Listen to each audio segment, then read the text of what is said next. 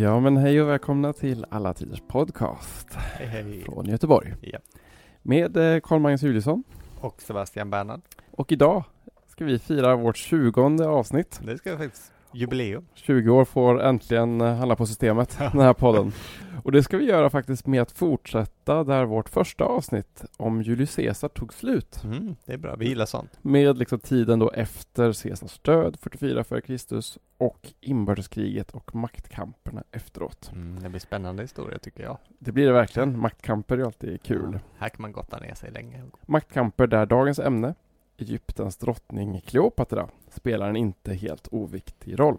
Men ska vi börja lite lätt, ja hur säger man nu då? Heter hon Kleopatra eller heter hon Kleopatra? Jag kommer ju säga Kleopatra Ja. oavsett för att man kan inte eh, lära gammal hund att sitta. Vilka, det har vi väl gjort konsekvent att vi väljer det, det naturliga uttal. Ja, det som är, eh, ja. Det prat, har vi pratat om ju också med eh, uttal på saker som arkitekt Ja. till exempel.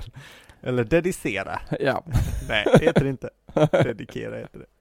Men jag säger dirigent. Ja, du säger dirigent. Ja. okej. Jag säger ett dirigent. Men jag måste, jag tror jag gör det för att Jag har eh, till och med hört- min, min hört- professionalism står på Mm, spel tror jag. Just det. Ja, du kan ju, du kan ju hamna i onåd och sånt. Ja, precis. Jag har till och med hört dirigent.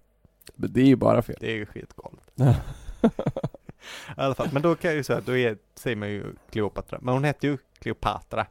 Hon sa Kleopatra. Hon skulle säga Kleopatra ja. Vad sa Julius Caesar då? Han sa, han pratade nog grekiska med henne så han sa nog också Kleopatra. Men Ja, det det där vet jag inte. Det är antingen Kleopatra eller Kleopatra kanske. Mm. Långt ja. Ja. Men eh, något där omkring. Men i alla tiders podcast säger vi Kleopatra. Precis, vi säger ju också Caesar och inte Kaiser. Kaiser. Nej, det ligger lite bättre i Det gör mun det. så att säga. Samma, vi säger också Cicero såklart. Inte Kickero. Låter som en finne. Kickero. Nej, men det kommer inte hända. Nej. Det kommer inte hända. Men eh, för de som är väldigt intresserade så är det ju C alltid K på latin. Ja. På klassuttal så att det blir ju så. Men Kleopatra har ju många, tänker jag, en bild framför sig, denna egyptiska drottning. Det tror jag. Eh, de har säkert eh, den här eh, lite Asterix och Kleopatra-bilden kanske. Ja, ja verkligen. Och Det är de min här, första bild av och Kleopatra. de här, den här Amy Winehouse-ögonen Just med den svarta Ja. lilla kroken i Just ögonvrån. det, just det. Alla de här har ju ett stort problem ju, vilket är att de vill göra Kleopatra mer egyptisk än vad hon kanske var. Sen har hon en sån här cool svart eh, page ju Det har hon också. Mm. Just det. Icke att förglömma. Icke att förglömma, precis. Hon ser alltså ut som en egyptisk drottning ungefär. Ja. Mm. Och det var hon väl också? Det var hon väl också, men vi kan komma in på att hon inte var en sån egyptisk drottning som man kanske tänker på. Nej. Det är stor skillnad på Kleopatra och Nefertiti. om Ja. så. Mm. Kleopatra har inte den här coola hatten. Nej, ja, jo, men Hon hade det? hon hade också en cool hatt. Okej. Men eh, hon kanske inte använde den till vardags. Som Nefertiti gjorde. Nej, exakt. Nu, har jag, nu har du satt mig i en fälla jag ska komma ut. Jag ska försöka komma in på en eh, beskrivning här. Okej, men eh, gör det. Nu ska jag få dra lite anal historia igen, det är ju min roll här. Så jag... Underbart. Ja, men jag tänkte i och för sig säga först att det finns en, eh, en liten fara tycker jag med att försöka beskriva en person som Kleopatra. För hon har ju verkligen ett historiskt rykte. Ja, ja, visst. Liksom all, hon är en av de kändaste personerna antagligen ur all historia väl. Och eh, det är ju då, um, alltså det är blandat då med det faktum att hon är en av antikens ytterst få kvinnor överhuvudtaget som nämns ju. Och, för, och regerande kvinnor, alltså med reell makt. Hon spelar ju en, inte en eh, sekundär makt i, Nej, hon är ingen Eh, fru till, nej, som Livia eller Fulvia eller Nej, eh, Så Julia och sådär. Så är det ju, de var ju också viktiga kvinnor. Agrippina och sådana, det är klart Ja. att de spelade ju roll. Men här är ändå någon som sitter på den högsta makten. Mm. Och det är ju, får man ändå i media göra en viss skillnad. Ja, gud ja. Men det finns då en liten fälla tycker jag, som många går i, även eh, seriösa forskare och sånt där. Att försöka göra Kleopatra till en hjältinna. Mm. Alltså man vill så himla gärna tvätta bort det här eh, förförerska-ryktet från henne. Alltså eh, den här stämpeln av en ondskefull manslukerska som eh, korrumperar mäktiga män och förveklar dem. Det är också lite konstigt tänker jag att man vill ta bort hennes, eh, ska man säga, sensuella sidor när vi gärna frossar i Augustus och Caesars eh, sexuella eskapader. Nej, visst. Det är väl någon, någon som försöker jämna ut någon sorts, eh, en jämnvikt som de Ja. har eh, hittat på. Men alltså jag tycker, det ska, jag ska försöka att inte gå i den fällan, som i alla fall jag eh, ser, för att jag tycker att ehm, vi ska försöka lyfta upp den Kleopatra som, som, som var. Ja. Liksom. Man, även om vi sitter där och tramsar så mycket så försöker vi förhålla oss relativt objektivt Ja, eller faktiskt. åtminstone säga vad källorna säger och inte, Precis. ja, och inte vad populärkultur säger. Nej, exakt. Det här har gått så långt att vissa till och med försöker påstå att Kleopatra skulle ha varit rent av ful. Ja. Vilket ju är underligt att man ska försöka gå så långt. Vad, vad, vad ska man vinna på den, Nej, på den argumentationen? Nej, och, vad, och vad baserar man det på? Nej, exakt. Alltså, det är en sak är ju, är ju säkert. Alltså om man ska göra Kleopatra rättvisa så måste man ju börja med att vara ärlig. Liksom. Och säga att, alltså det mesta tyder på att hon var en extremt slug maktspelare. Som hade antagligen ett otroligt sätt att få världens mäktigaste män att göra, att gå emot, alltså sitt eget bästa för henne. Och sitt eget land. sitt eget land. Och så att säga, min, min, min erfarenhet och det mesta tyder på att det antagligen hade nå, med någon form av charm att göra. Ja. Alltså det kan jag väl inte påpeka innan vi går in i historien, tycker jag. Det är en av mina vanligaste fraser förut i den här podden. Det kan vara viktigt att påpeka. Ja. Så nu kommer det kan man ha lite en drickspel om man vill. Att, eh, att liksom varken Caesar eller Antonius tjänade på sitt, sitt, eh, sitt eh, samröre med Kleopatra.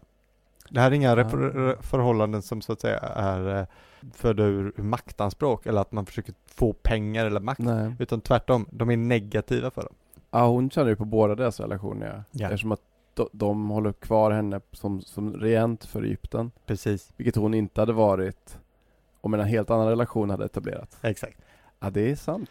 Så är det. Mm.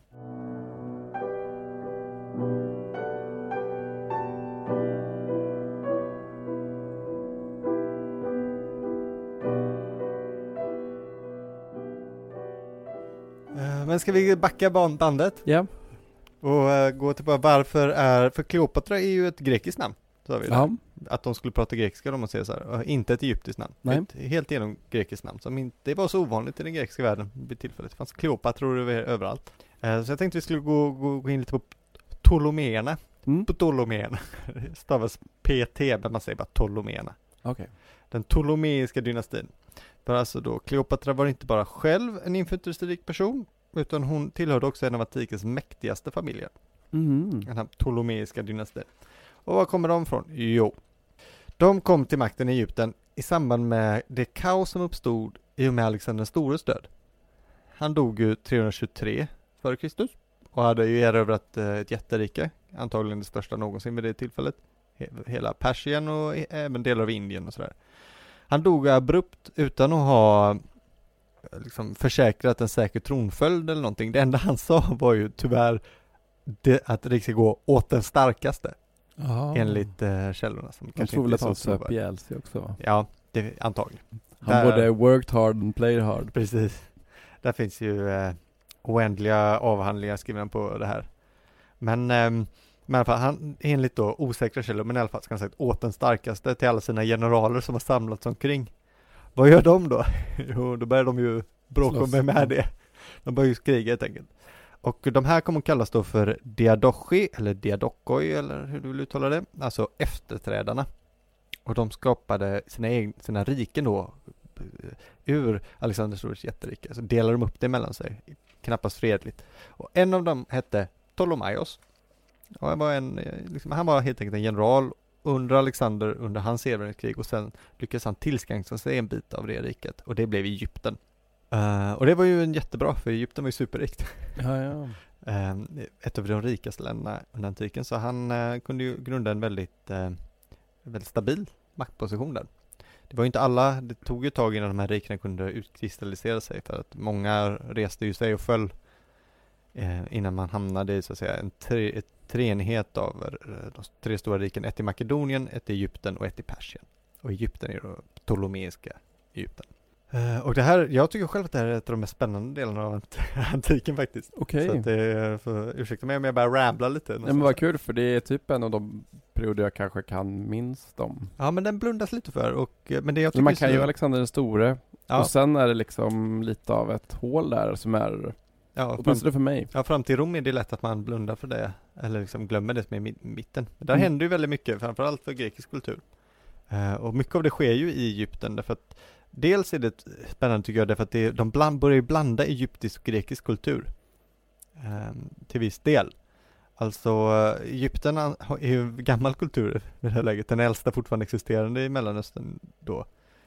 Ehm, Ja, flera tusen år gammal redan. Ja, precis. Och då, vi får tänka nu står ju saker kvar dessutom. Och egyptierna själva lever ju fortfarande på samma sätt i princip som de har gjort sedan tidig dynastisk tid. Mm.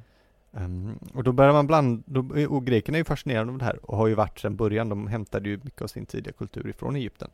Asså, Eh, okej. Ja, arkaiska skul- skulpturen till exempel är ju tagen från Ja, visst ja. Eh, Koroj-statyer. Ja, exakt. Och de bygger, kan man säga att de bygger vidare på det här. Eh, I religionen kan man märka det här tydligast. Dels därför att greker då som flyttade till det här nya grekiska riket i Egypten, de började dyrka en del egyptiska gudar. Kanske framförallt Isis och Osiris. Ehm, och sen började de göra sådana sammanslagningar av grekiska och egyptiska gudar. Så man kunde få sådana ganska roliga sammanslagningar som Amon Zeus till exempel. okej. som är Zeus med horn. Jaha, Och eh, då menar man då att Ammon och Zeus, det är samma gud liksom. Okej. Så här, vi kallar honom båda här. Och sen gjorde de en helt ny gud, eh, som hette Serapis, som typ var Osiris, fast inte riktigt. Som poängen var att man skulle kunna, alla skulle kunna dyrka honom. Vilket också är en väldigt rolig antik föreställning. Så här, nu, har vi, nu gör vi en ny gud. Bara, det känns så himla liberalt, så här, religiöst liberalt och bara, det, det känns ju lite osannolikt alltså, att någon skulle tro den, men jag vet inte. man vet att, men det är ju bara du som har kommit på det. Kungen har bestämt att nu finns det en ny gud och han heter Serapis. Ja, ja, okej. Ja, det kan, det, jag, har liksom, jag driver kanske lite med hur, Mm. det, hur det gick till, men i alla fall. Det var en ny gud, Mm. Serapis. Eh, och då kan man se den här sammanslagningen. Men då, får, då kan det bli lätt att man tänker så här, ja, harmoniskt med eh, sådär, integration, fast ändå inte. Mm. För det var också ett väldigt strängt segregerat samhälle. Så att greker tillhörde överklassen. De bodde i städer. Framförallt Alexandria, som Alexander hade grundat, men som nu växte till, till en, eh, kanske Medelhavets största stad. Oklart Okej. om det är Alexandria eller Antiochia och sen Rom går, växer ju väldigt snabbt också, och även Kartago. Men Alexandria är väldigt stort, kan ha haft eh, en halv miljon invånare. Okej. Men så framförallt var greker. Ja, det var i princip bara greker. Och, eh, och greker hade monopol på alla högre befattningar inom både staten och militären. Egyptierna då, alltså den lokala befolkningen, de bodde på landsbygden och jobbade på fälten helt enkelt. De var också pålagda extremt tunga skatter. Ibland har jag läst upp till 90% kunde betalas i skatt i vissa delar Oj shit. eh, av spannmål då, för det Egypten är ju ett extremt, extremt bördigt land.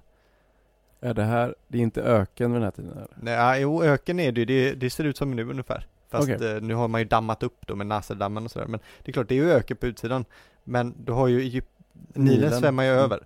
Och då bildades ett slam. Och det här, all egyptisk kultur är egentligen byggd på den här idén om slammets återbyggnad och så eh, kan man börja odla där i för näst, tills nästa säsong.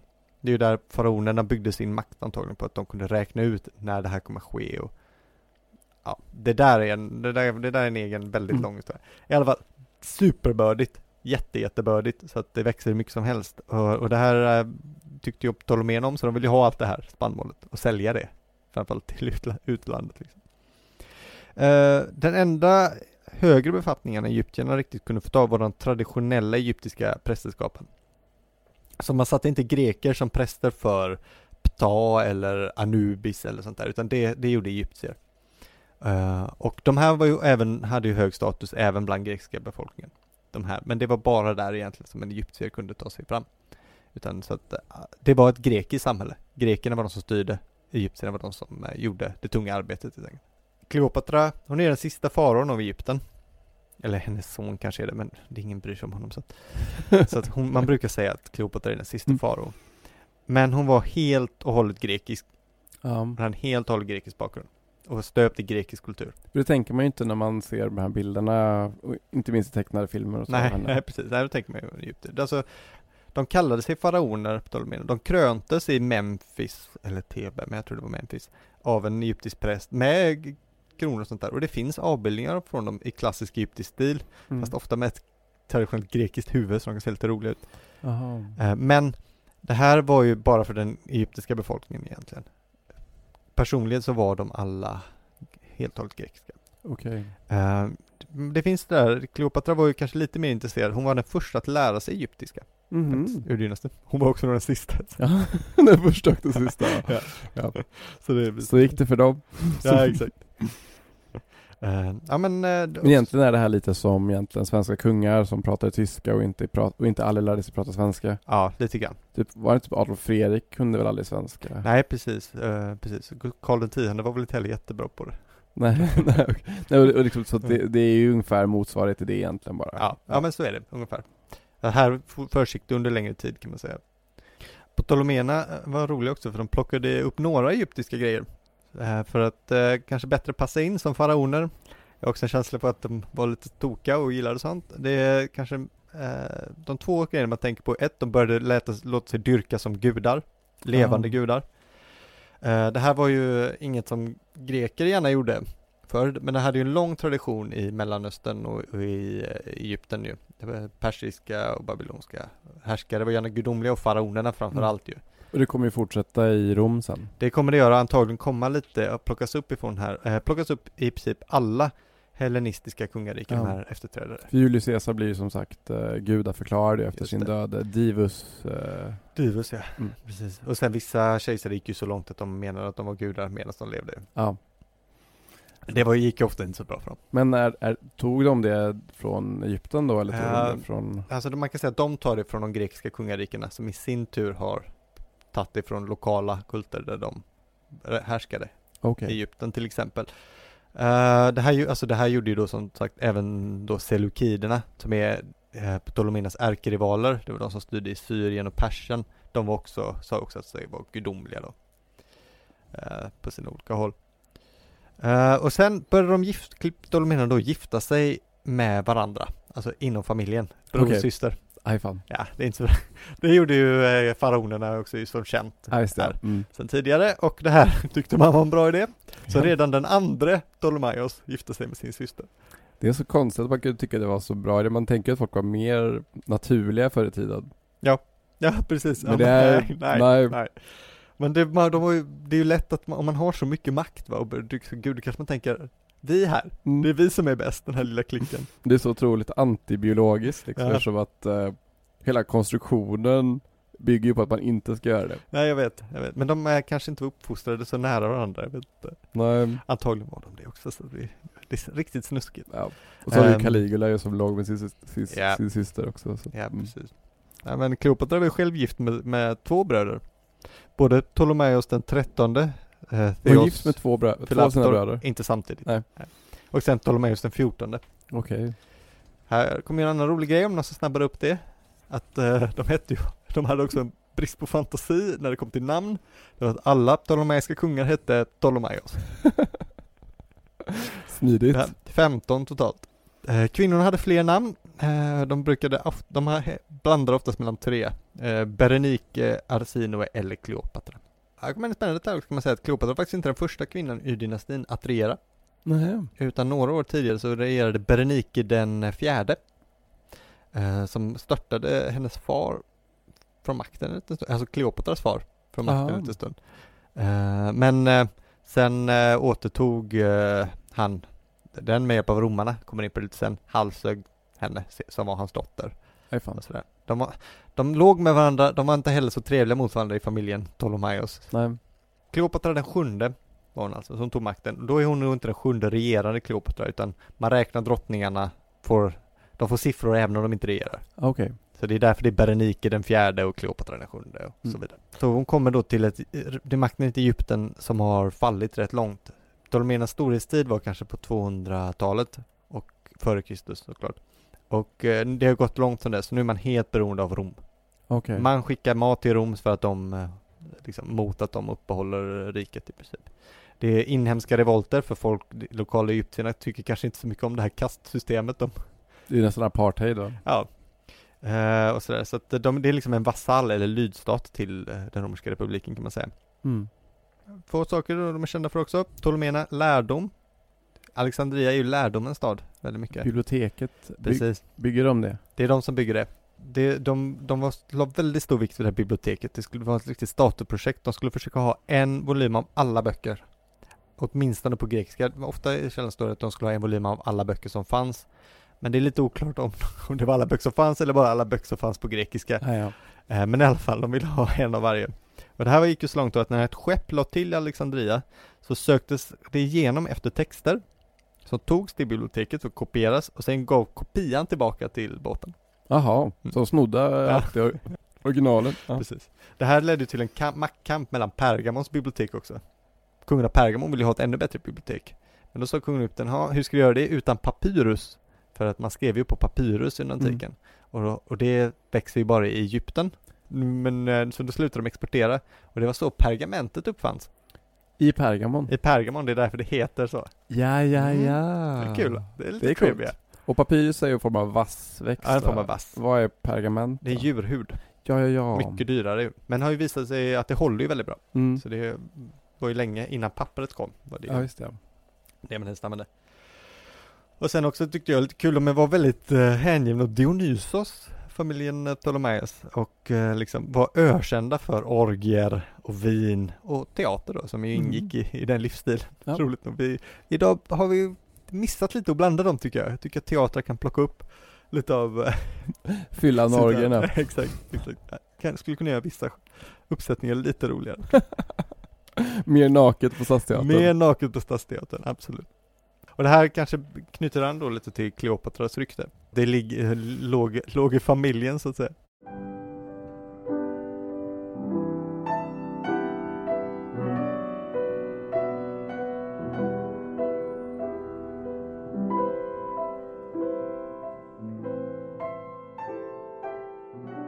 Kleopatra, nu är vi framme.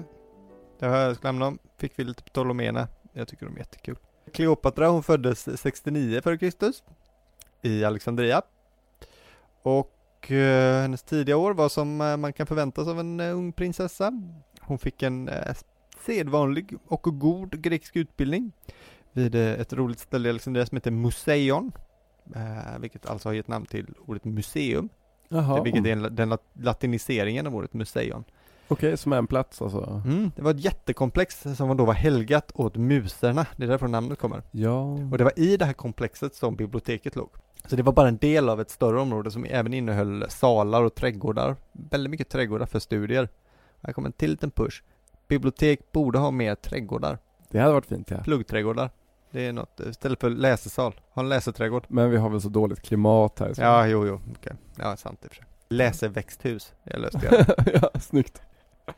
Många bra samhällsnyttiga uppfinningar. Vi försöker liksom. eh, En think tank. Exakt.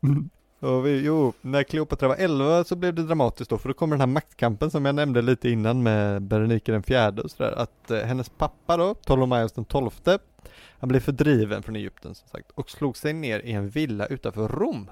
Mhm. Där han hade en kompis som hette Pompeius Magnus. Aha, var de polare? De var vänner, de var mm. polare.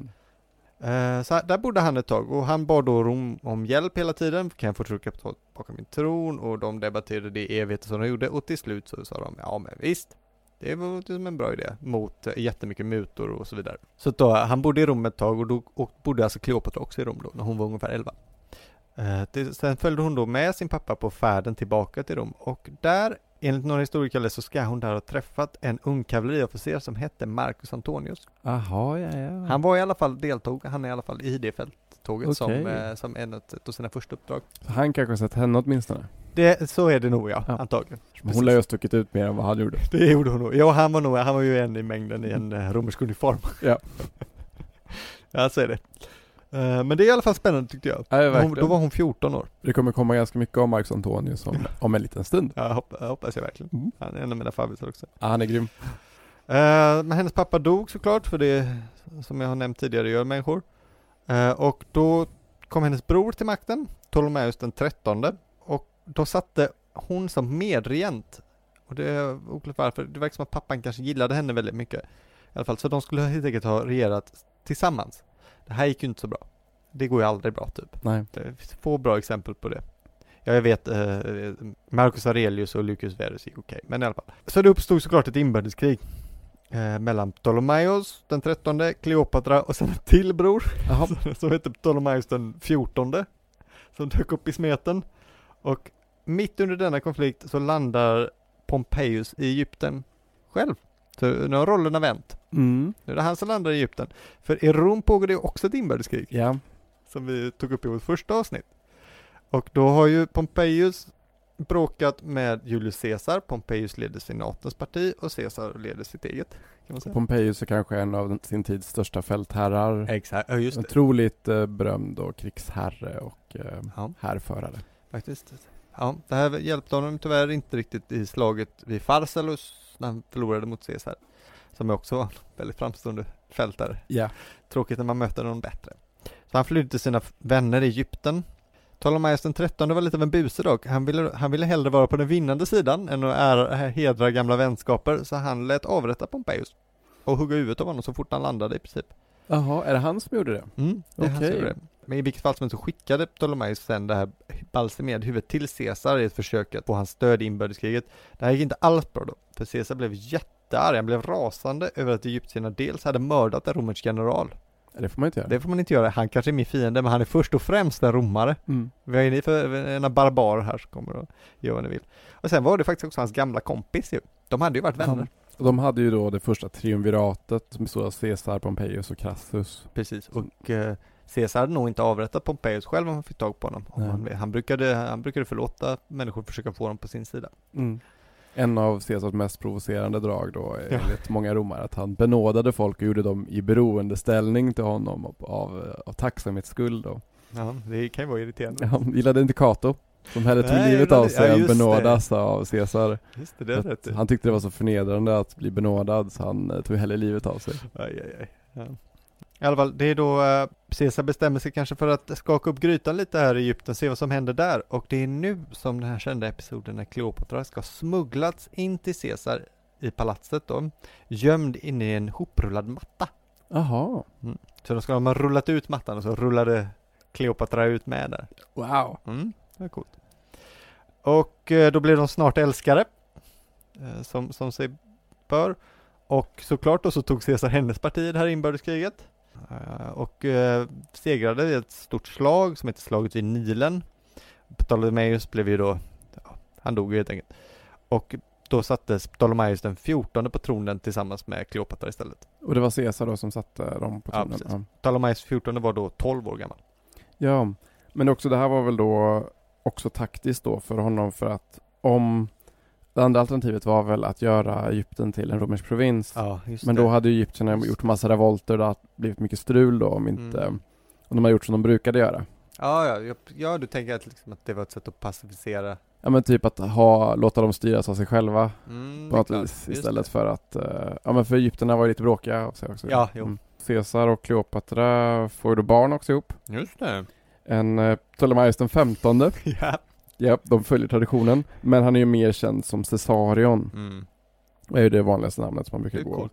Och, ehm, och, och som också då erkänns av Caesar som hans son. Faktiskt. Ja, Han eh, erkänner honom som sin son. Och ehm, vi kommer att prata lite mer om eh, Shakespeares eh, pjäs Antony and Cleopatra. mm. Där finns det en rolig eh, fras då som, så, så här uttrycker sig Shakespeare i alla fall. Okej. He plowed her and she cropped. Man kan ju fråga sig om det är alltså Shakespeare som myntar det här uttrycket att eh, ploga någon. Säkert, han uppfann ju massa grejer. He plowed her and she cropped. Mm. Och året efter det åker ju Kleopatra med Caesar till Rom. Och där hon då stannade faktiskt fram till den 15 mars år 44 f.Kr. då Caesar också blir mördad. Den dagen har vi pratat om sig i vårt första avsnitt och Caesar lämnar ju då som bekant den dagen eh, sin fru Calpurnia hemma. Vid samma tid så bodde då alltså Kleopatra utanför Rom i en av Caesars villor. Mm. Faktiskt, hon var där då vid samma Shit. tid. Men direkt efter mordet så packar hon sina saker för att återvända till Alexandria. Säkert smart. Japp, men eftersom Egypten så mycket är beroende av Rom behöver hon hitta ett nytt sätt att kunna ha ett finger med i spelet när det kommer till den romerska politiken. För att hon vill ju då alltså säkerställa att hon kan styra över Egypten då. Ja. Hon gör ju sig av med Ptolemaios den eh, 14 rätt snabbt Ja. i den här vevan också. Så att hon blir, eh, ja hon sätter ju då sin son på tronen. Men Mm. styr ju själv. såklart. Enligt eh, den berömda klassicisten Mary Beard så började hon med att eh, fell in with en snubbe som heter Dolabella. Ja, ja. Man kan fråga sig vad fell in with Ja, betyder ja, men, får ehm, Alltid gillat det namnet, tycker det är så himla fint. ja, Dolabella. Ja. Men det låter som att det är någon form av typiskt brittiskt sätt att säga att de hade någon liaison. Ja. Men Dolabella är ju, det, är ju då den berömda talaren och författaren Ciceros dotters före detta man. ja. Hans dotter Just dog det. ju tyvärr väldigt ung. Så att, Ja, absolut. men sen dör Dolabella Mm. och hon inleder då istället en relation med Marcus Antonius som då är eh, en av världshistoriens kanske mest berömda kärlekshistorier. Ja. Som är då förevigad inte minst av Shakespeare. Men som Mary Beard säger, hon tenderar ju att kunna vara väldigt eh, praktisk och eh, anti-mytisk. ja, det är i lite sin hennes, framtoning. det brukar vara en av hennes SL. Ja, hon Mm. gillar fakta och eh, klara bud. Hon Ja. säger då att deras relation inte bara kan ha varit erotisk och passionerad utan att den också kan antas som något mycket viktigare. Det vill säga militära, politiska och finansiella behov. Ja. Så att eh, det är inte bara, inte bara sex. Nej. Och deras första möte, då, deras andra möte då, om, om vi Ja, räknar den just här det. ungdoms, eh, deras blickutbyte då, potentiella utbyte av blickar i tonåren. Ja. Det skulle då ha skett några år efter Caesars död, alltså 41 före Kristus, eh, vid Antonius triumftåg efter slaget vid Filippi. Då Caesars mördare besegras och dödas eller Ja. drivs till självmord. Var det som också tog upp lite i första avsnittet väl? Ja, Slutet precis. där med ehm, Brutus. Ja. Sorgliga öde. Ja, när han till slut då begår självmord. Mm. Eh, Kleopatra ställs då till svars faktiskt för att hon inte tillräckligt aktivt har stött romarna under den här tiden, men lyckas argumentera för att hon alltid varit fientlig mot Caesars mördare. Ja. Och eh, första gången Marcus Antonius då ser henne ska hon ha kommit på ett förgyllt fartyg med segel av purpurtyg och åror av silver. Mm. Hon hade ju som, sagt, hon hade ju som sagt mycket, mycket pengar. Ja. Och själv var hon klädd som Afrodite. Mm. Så det är väl klart man faller. Ja, faktiskt. Hon verkar ju vara en hejare på entréer Ja, åtminstone. faktiskt. och, och har då utvecklats Det är lite viktigt, sen. det är eh, inte sådär första fem sekunderna eller något sånt Första där. intrycket, Ja. ja. precis. Men hon har utvecklats lite då från den här mattan då till Ja. att komma utklädd till en eh, grekisk kärleksgudinna. Man får väl ta det man har. jag. Ja men precis. Men tiden efter Caesars död är ju en väldigt komplicerad tid. Så de kommer inte ha det så himla lätt. Det har ju bildats ett nytt triumvirat då, tre mannastyre, Mm. bestående av Octavius, som sen ska bli Roms första kejsare Augustus, Lepidus och Marcus Antonius. Och Octavius och Antonius har väl typ mer eller mindre delat upp Medelhavet mellan sig Ja, och gett en liten, liten bit till Lepidus. Octavius har ju då fått väst och Antonius har ju fått öst. Ja. Men det dröjer inte så länge innan folk börjar prata i Rom om den lyx och de dyra middagar som Antonius och Kleopatra hade i Alexandria. De ska Mm. liksom ha haft tävlingar i vem som har den lyxigaste festen. Och en berättelse som verkligen inte gick hem i Rom var hur Kleopatra vann efter att ha anordnat en fest som kostade 10 miljoner sestertier. Alltså ungefär lika mycket som Sisos största hus kostade. Ja. Med då ett, huvudna, ett huvudnummer då som gick ut på att en fantastisk pärla lät hon lösa upp i vinäger och sedan drack upp. Mm, just det. Alltså ett hutlöst eh, slöseri. Ja. Och enligt historikern eh, Plutarkos, ungefär 150 år senare då, kom de här beskrivningarna av dessa fester från en släkting till en av hennes kockar.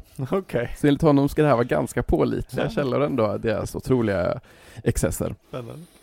Ännu mer ajabaja Ja. var att Antonius ska ha börjat behandla Alexandria som det vore Rom. Mm. Det finns en väldigt romersk ceremoni som heter att fira triumf. Ja. Och sägs då att han ska ha gjort det i Alexandria istället för i Rom efter några mindre segrar i Armenien. Inte alls bra. Nej. Så det här blev liksom, eh, det blev liksom en konflikt mellan det ordningsamma Rom i väst och det otyglade dekadenta öst. Ja. Och Marcus Antonius ska ju intressera sig mycket för just den grekiska hellenismen och klädde ut sig som en grekisk gud. Vilket ett puritanskt Rom absolut inte tyckte var eh, lä- lämpligt. Och därför har ju också så mycket fokus hamnat på Kleopatra i den här konflikten för att hon, hennes liksom sätt att vara målas upp som motsatsen till Rom, någonting oromerskt liksom. Just det. Ja, det, så är det ju verkligen. Eh, jag tänker, jag tror att eh, Antonius, uh, nu spekulerar jag, men han kanske sköt sig lite i foten när han tog öst. Men det är ju mycket rikare, östra medelhavet såklart. Men han glömmer ju då att makten ligger i väst. Och folkopinionen är viktig liksom. Ja, ja, ja. Uh, sedermera Augustus eller Octavius kan ju bygga propagandistiska segrar. Mm. Han kan ju piska upp folket med den här dekadensen. För romarna gillar ju inte det. Nej. Och sen, eh, det här märks ju väldigt tydligt i, de tar ju sig varsitt gudaalibi. Marcus Antonius och Octavius. Octavius väljer Apollo. Och Marcus Antonius väljer Dionysos. Det här säger, det är ju det apollonska mot det dionysiska. Ja, visst ja, verkligen. Rent fysiskt. Ja. Och Säger- eh, vad ska man säga att eh, Octavius val av Apollon är ju också, det är ju som hand i handsken för också Rom. Ja. Och den, den mentalitet som senaten håller och de, eh, de lärda männen har. Ja, som ju är väldigt självkontrollerad och väldigt eh, pryd och eh, pliktmedveten. Precis. Ja, han driver ju igenom eh, hårdare äktenskapslagar och kyskhetslagar och sånt där samtidigt mm. som Antonius enligt då rykten ska orgia sig runt hela, ja. hela Egypten. Och bara egentligen supa. Ja, exakt. Ja, inte, inte bra. Marcus Antonius var ju dessutom redan gift när han träffade Kleopatra. Ja. Med en kvinna som hette Fulvia. Och eh, Fulvia var ju otroligt rik. Och eh, under tiden då Octavius och Marcus Antonius var ute och härjade och jagade Caesars mördare så styrde hon faktiskt Rom. Mm. Och sen kom då Octavius tillbaka. Marcus Antonius var i Egypten med Kleopatra. Och eh, Octavius skiljer sig då från Fulvias dotter från hennes förra äktenskap. Ja. En dotter som heter Claudia. Och, himla ja, det, det är många namn här men eh, mm. man får lyssna flera gånger. eh, Octavius beskyller sen Fulvia för att hon då försöker ta makten helt och hållet i Rom. Och detta gillade inte Fulvia, att Octavius då försökte ta soldaterna över på sin sida. Och började då arbeta mot Octavius och återvinna liksom soldaternas lojalitet. Och till slut blir det krig. Ja. Enligt Appianus var en anledning till att hon började kriga med Octavius att hon var svartsjuk på Marcus Antonius relation med Kleopatra och ville att han återigen skulle börja intressera sig för Rom.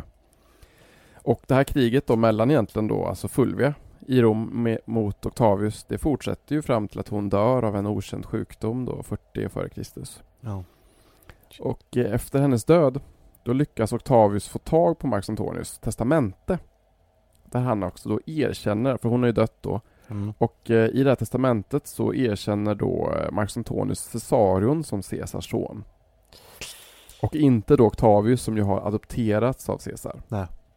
Han var ju eh, Caesars eh, systerson, son och har adopterats av Caesar och så kommer då Marcus Antonius och säger att Caesarion också är en lämplig ja. arvinge till Caesar. Det här kan ju bara sluta på ett sätt. Ja.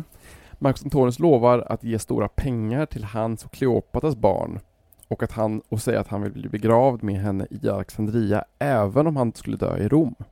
Ja. Och vissa börjar liksom mena då att han försöker göra Alexandria till Roms huvudstad och eh, alltså det är ju inte alls bra det här. Och Marcus Antonius kallas ju fiende till, till Rom och det ja. blir bråk igen. Och eh, det är faktiskt här ju som Shakespeares drama Anthony och Kleopatra börjar. Så är det ja, just det. Och den börjar ju då med att Antonius är stört förälskad i Kleopatra och försöker berätta för henne hur mycket han älskar henne. Och eh, hon, kan man säga, bråkar lite med honom mm. som att hon inte tror på vad han säger. If it be love, tell me how much. Just det. det är väldigt mycket sånt. Ja, verkligen. Och eh, Antonius kallas sen till Rom för att då försonas med Octavius. Hos Shakespeare vill Antonius verkligen inte åka.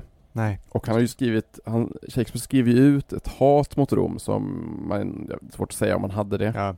Men hos Shakespeare säger han då Let Rome in Tiber melt Just and the det. wide arc of the ranged empire fall. Ja.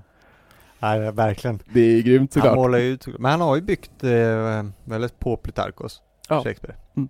Jag vet inte om Plutarkos säger Nej, han är inte så eh, heller så att han är så jävla säker heller. Och han, nej, han brer ju inte ut så mycket ofta i sina biografier, de är ju rätt nej. så korta. Men Shakespeare, dramat behöver ju den här konflikten. Det gör den. Mm. Verkligen. Absolut. Och Octavius då, då tvingar han Antonius att gifta sig med hans syster Octavia. Ja, det gjorde han ju också på riktigt. Ja, ja det gjorde han precis. För att på det sättet etablera liksom ett band då som lovar lojalitet då. Ja. För man kan ju inte liksom kriga mot sin uh, svåger på det sättet. Nej. Men det är mycket bröllop hit och dit i de här tiderna alltså. Och eh, Shakespeare gör här en väldigt tydlig skillnad då mellan Octavia som pratar i låg röst och väldigt behärskad och ordentlig och denna passionerade, vilda och starka Kleopatra. Mm. Antonius vet att han inte kommer att kunna vara trogen det här äktenskapet och så säger han And though I make this marriage for my peace In the East my pleasure lies Det är snyggt. Ja, han är väldigt likable, Marcus Antonius, tycker jag. Ja. Han är så himla det är så svårt, det är klart han, han tar ju dumma beslut men man fattar ju också. Han är ju mindre moralistisk än, än många av de andra romarna är. Att ja. Han gillar att festa, han gillar ett gott liv. Han är väldigt pragmatisk, han byter sida om man måste. Ja. Han gör det som han måste hela tiden. Jo, faktiskt. Men, eh, men Kleopatra är ju en väldigt spännande figur hos Shakespeare. Ja. Och vissa menar att hon, ja men pratar just om hennes komplexitet och sådär för att hon, hon är ju kombinerad av väldigt många olika karaktärsdrag kan man säga. Ja, hon är ju, eh, alltså hon är ju både listig, märker man ju, Eh, Samtidigt som hennes roll ju väldigt ofta är av just en eh, spela svår. Ja, visst. sådär. Försöka få in Antonius genom att dra sig bak. Ja, och hon så här, hon kan bli väldigt rasande. Hon kan, hon, när hon får reda på Ja, det här beslutet då att Marcus Antonius har gift sig med Octavia så höll hon ju nästan på att hugga ihjäl budbäraren. Just det, ja, det är en av de roligaste scenerna. Ja, Även den som följer sen när han eh, får, hon får honom att beskriva hur ful Octavia är. Ja, verkligen. Lovar att göra honom till den rikaste mannen i Egypten. Ja, verkligen, verkligen. Jag har alltid så här, säger jag har alltid vetat att du är en hederlig person. Ja men så att hon är liksom, hon är svartsjuk, hon är bråksjuk, hon är otroligt förälskad, hon Ja. är smart och liksom pendlar mellan det här på ett väldigt eh, spännande sätt liksom. Ja. Hon är väldigt levande hos Shakespeare. Ja, faktiskt. Det är, väl, det är, det är en av de bättre karaktärerna, Ja. Och liksom, hon står ju över eh, alla typer av liksom futila försök att säga att hon är på ett eller annat sätt utan hon är ju allting på en gång någonstans. Mm. Eh, Vilket är väldigt fint. Faktiskt. Mm. Ja. ja, vi såg ju båda... eh, Jag läste den istället. Du läste den istället? Ja, jag, jag gjorde det istället. Ja, jag förstår. Ja, men eh, jag såg i alla fall i, i min eh, följetong av att youtuba Youtuba pjäser. Mm. Men då kan man ju också med en liten eh, tips här därför att eh, på grund av Corona så sänder ju teatrar från världen över pjäser på Youtube.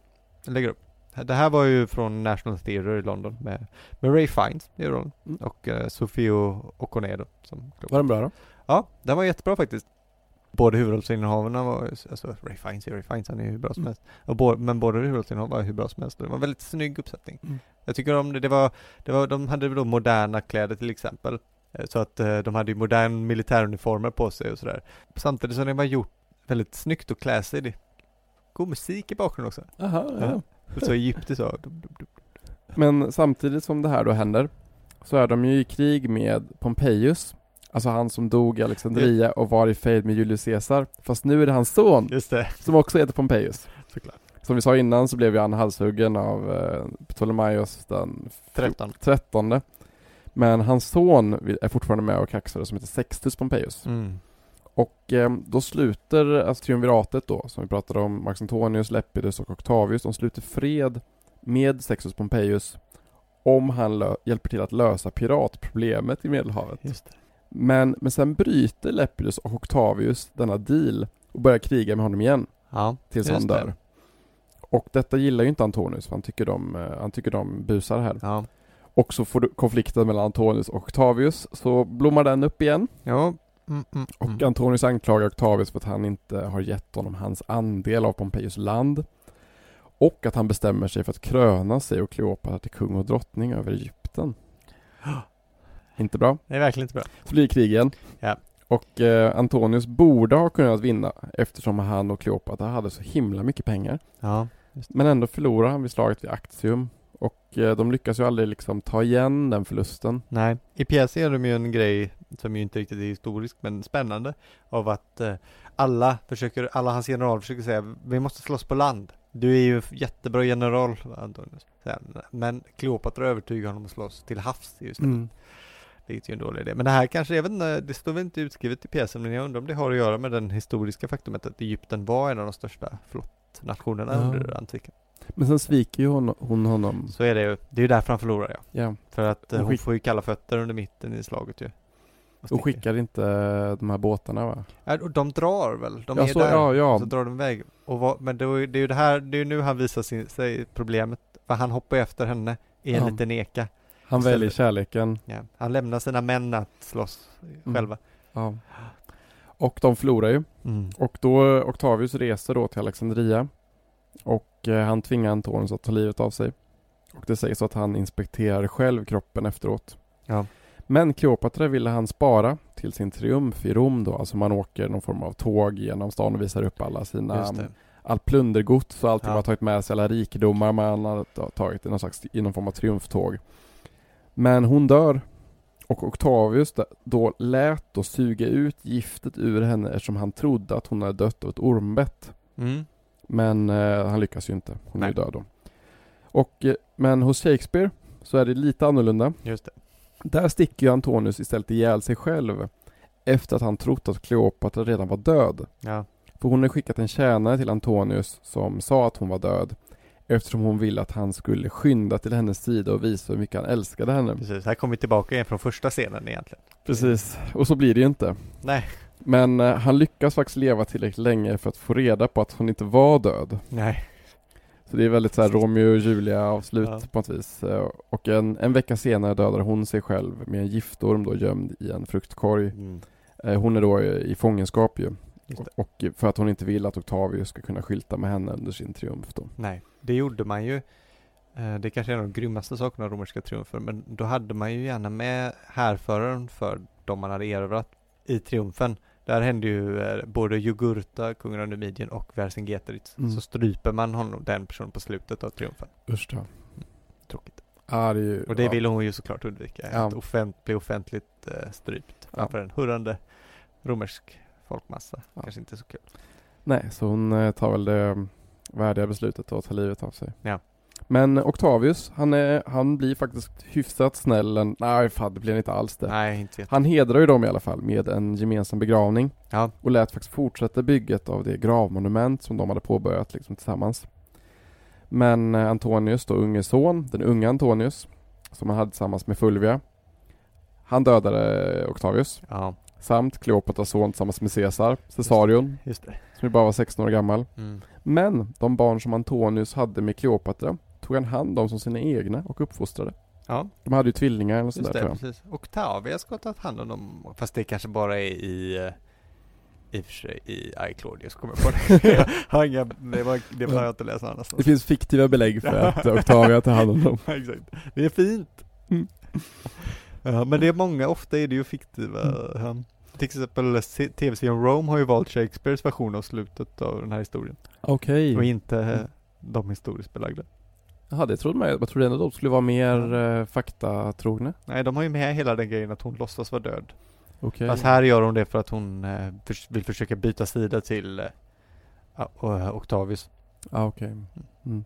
Men det är ju verkligen ett tragiskt Romeo och Julia slut att Det är det. eh, Max Antonius dör ju i hennes armar och eh, det är väldigt sorgligt. Ja precis, det är det som jag tycker är den här eh, pjäsens starkaste sida. Det här tragisk, alltså hur tragisk den är. Mm. För att eh, till skillnad från andra tragedier så har den här ju inte riktigt någon skurk. Nej. Ofta så är det ju att det, det är någon, eh, alltså det finns en, en antagonist på något sätt. Och det är ju Octavius i den här pjäsen egentligen då. Eller Caesar kallas han ju genom den. Ja, precis. Men han är ju inte, han är, han är ju inte dum eller ond egentligen heller. Nej, han gör ju det måste också. Och Ja. Max Antonius och Kleopatra pajar ju lite för sig. Liksom. Precis. Det är Mm. liksom ödet på något sätt. Ja. Och det struliga sitt läget som gör det. Men jag tycker men Shakespeare är väldigt duktig på att förmedla deras eh, ja, men så här stormiga kärlek till varandra. Mm. Den är ju så himla intensiv och så himla stark.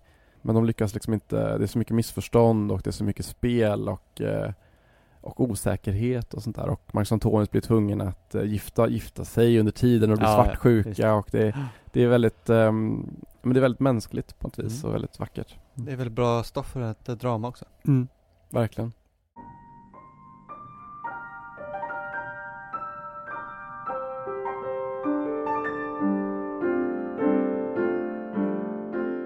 Ja men, eh, säga några avslutande ord kanske. Alltså, eh, där tänker jag att Kleopatra hon har gått till historien som en av de eh, som eh, största skurkarna ju. Det har vi pratat om. Och att Alltså det var vems fel? Alltså det var hennes fel då, igen brukar man måla upp att det var både Caesar och att tornet blev maktgalna och kastade bort sina liv. Alltså den här idén, att de försökte bli tyranner härleder man ju gärna till Kleopatra. Okej. Ehm, och om, eh, men som vi har sagt, om man läser historien från hennes perspektiv så framträder något annat liksom. Att hon gjorde eh, sitt bästa i en väldigt svår sits. Mm. Hon kom ju från en ett som hade regerat i Egypten, hon ville väl fortsätta med det. Ja, precis. Och det är ju konstiga saker än så har ju hänt. Ja, det har det verkligen hänt. Eh, och dessutom, eh, det kan vara väldigt intressant att fråga hur, hur hon kunde förföra människor till sådan grad. Det tycker jag är Ja. väldigt spännande. Alltså hon måste, med, med den skärm och bildning hon haft så måste hon ha varit en av de mest äggande personerna någonsin. Ja. Och eh, det här är en grejerna jag har, alltså hon är en självklar eh, gäst på mitt sånt här eh, fem personer i historien på middag-scenario som man har. Känns som att det kan bli en dekadent middag. Ja, det är det man hoppas på. Vinorgie. Till att Max Antonius inte är med bara. Nej, jag tänkte inte bjuda honom faktiskt. Eh, en av antika Roms mest berömda poeter heter ju Horatius. Ja, just det. Och eh, han hade ju Octavius och sedermera kejsar Augustus som mecenat och eh, chef, om man ska säga. Och han har faktiskt skrivit en dikt då till just det här tillfället när Kleopatra dör. Som heter Kleopatras fall, ungefär. Ja. Och den här dikten inleds då med det berömda Nunc est bibendum, Mm. alltså nu är det tid att dricka. Just. Och eh, tänkte att eh, då kan vi avsluta med den då, ett, Ja, av, de, ett av de mest ehm, tidsnära källorna i alla fall till, Verkligen. eh, till den här tiden. Snyggt. I min översättning som jag har i en bok eh, så heter den Vid budet om Kleopatras död. Mm. Och lyder så här då. Nu tid är att dricka, nu fritt vi må vår fot i dansen svinga. Nu böra vi med saliariskt läckra rätter gudarnas hyenden sira vänner. Nyss synd det var att hämta kajkubervin ur ärvda källrar medan i vanvett än en drottning med en flock av lastens vidriga söner försökte bringa fördärv och ofärd över vårt välde samt en grushög bilda av Kapitolium förmäten nog att hoppas allt och rusig av lyckan. Men modet nedslogs då knappt ett skepp från lågorna räddades och sinnet, rusat av mariotiskt vin, av verklig fruktan greps när Caesar henne, som flydde från våra stränder, med skeppen följde liksom den glupska hök förföljer rädda duvan och stövaren snabb på Haimons snöfält driver haren. Men när han ville i borgjord smida det grymma odjur döden hon valde själv på hjältars sätt och bävade kvinnligt ej för svärdet. Ej med snabba flottan sökte hon hinna fördolda trakter. Med öppen blick och panna hon järvde se sin fallna borg och modigt hon tog i hand de ilskna ormar för att tömma dödande giftet i kroppens ådror. Hon, dubbelt trotsig, sedan hon beslutit dö, ej ville unna grymma liburnerskepp att föra henne utan krona hem till triumftåg. En hugstor kvinna. Mm. Ja, vad ska man säga där då? Han, eh, detta grymma odjur och hugstor, jag tror i, i latinet är non humilis, Nej, det, är alltså icke ödmjuka Ja. kvinna. det är nästan lättare att förstå på svenska än hugstor. Ja, det är ett jättekonstigt ord. Ja, men det är ju så att um, vinnarna skriver historien sägs Ja, det ju. just det. Så här skriver en typisk vinnare om Kleopatra, men Verkligen. det finns ju trots allt andra källor. Det är det. Japp, lite Kaj Kubervin. Aha, bra idé. Tack och hej, vi hörs igen nästa vecka. Det är det verkligen. Ja. Nuncas bibendum. Nunkes vivendum. Ja, ha det gött.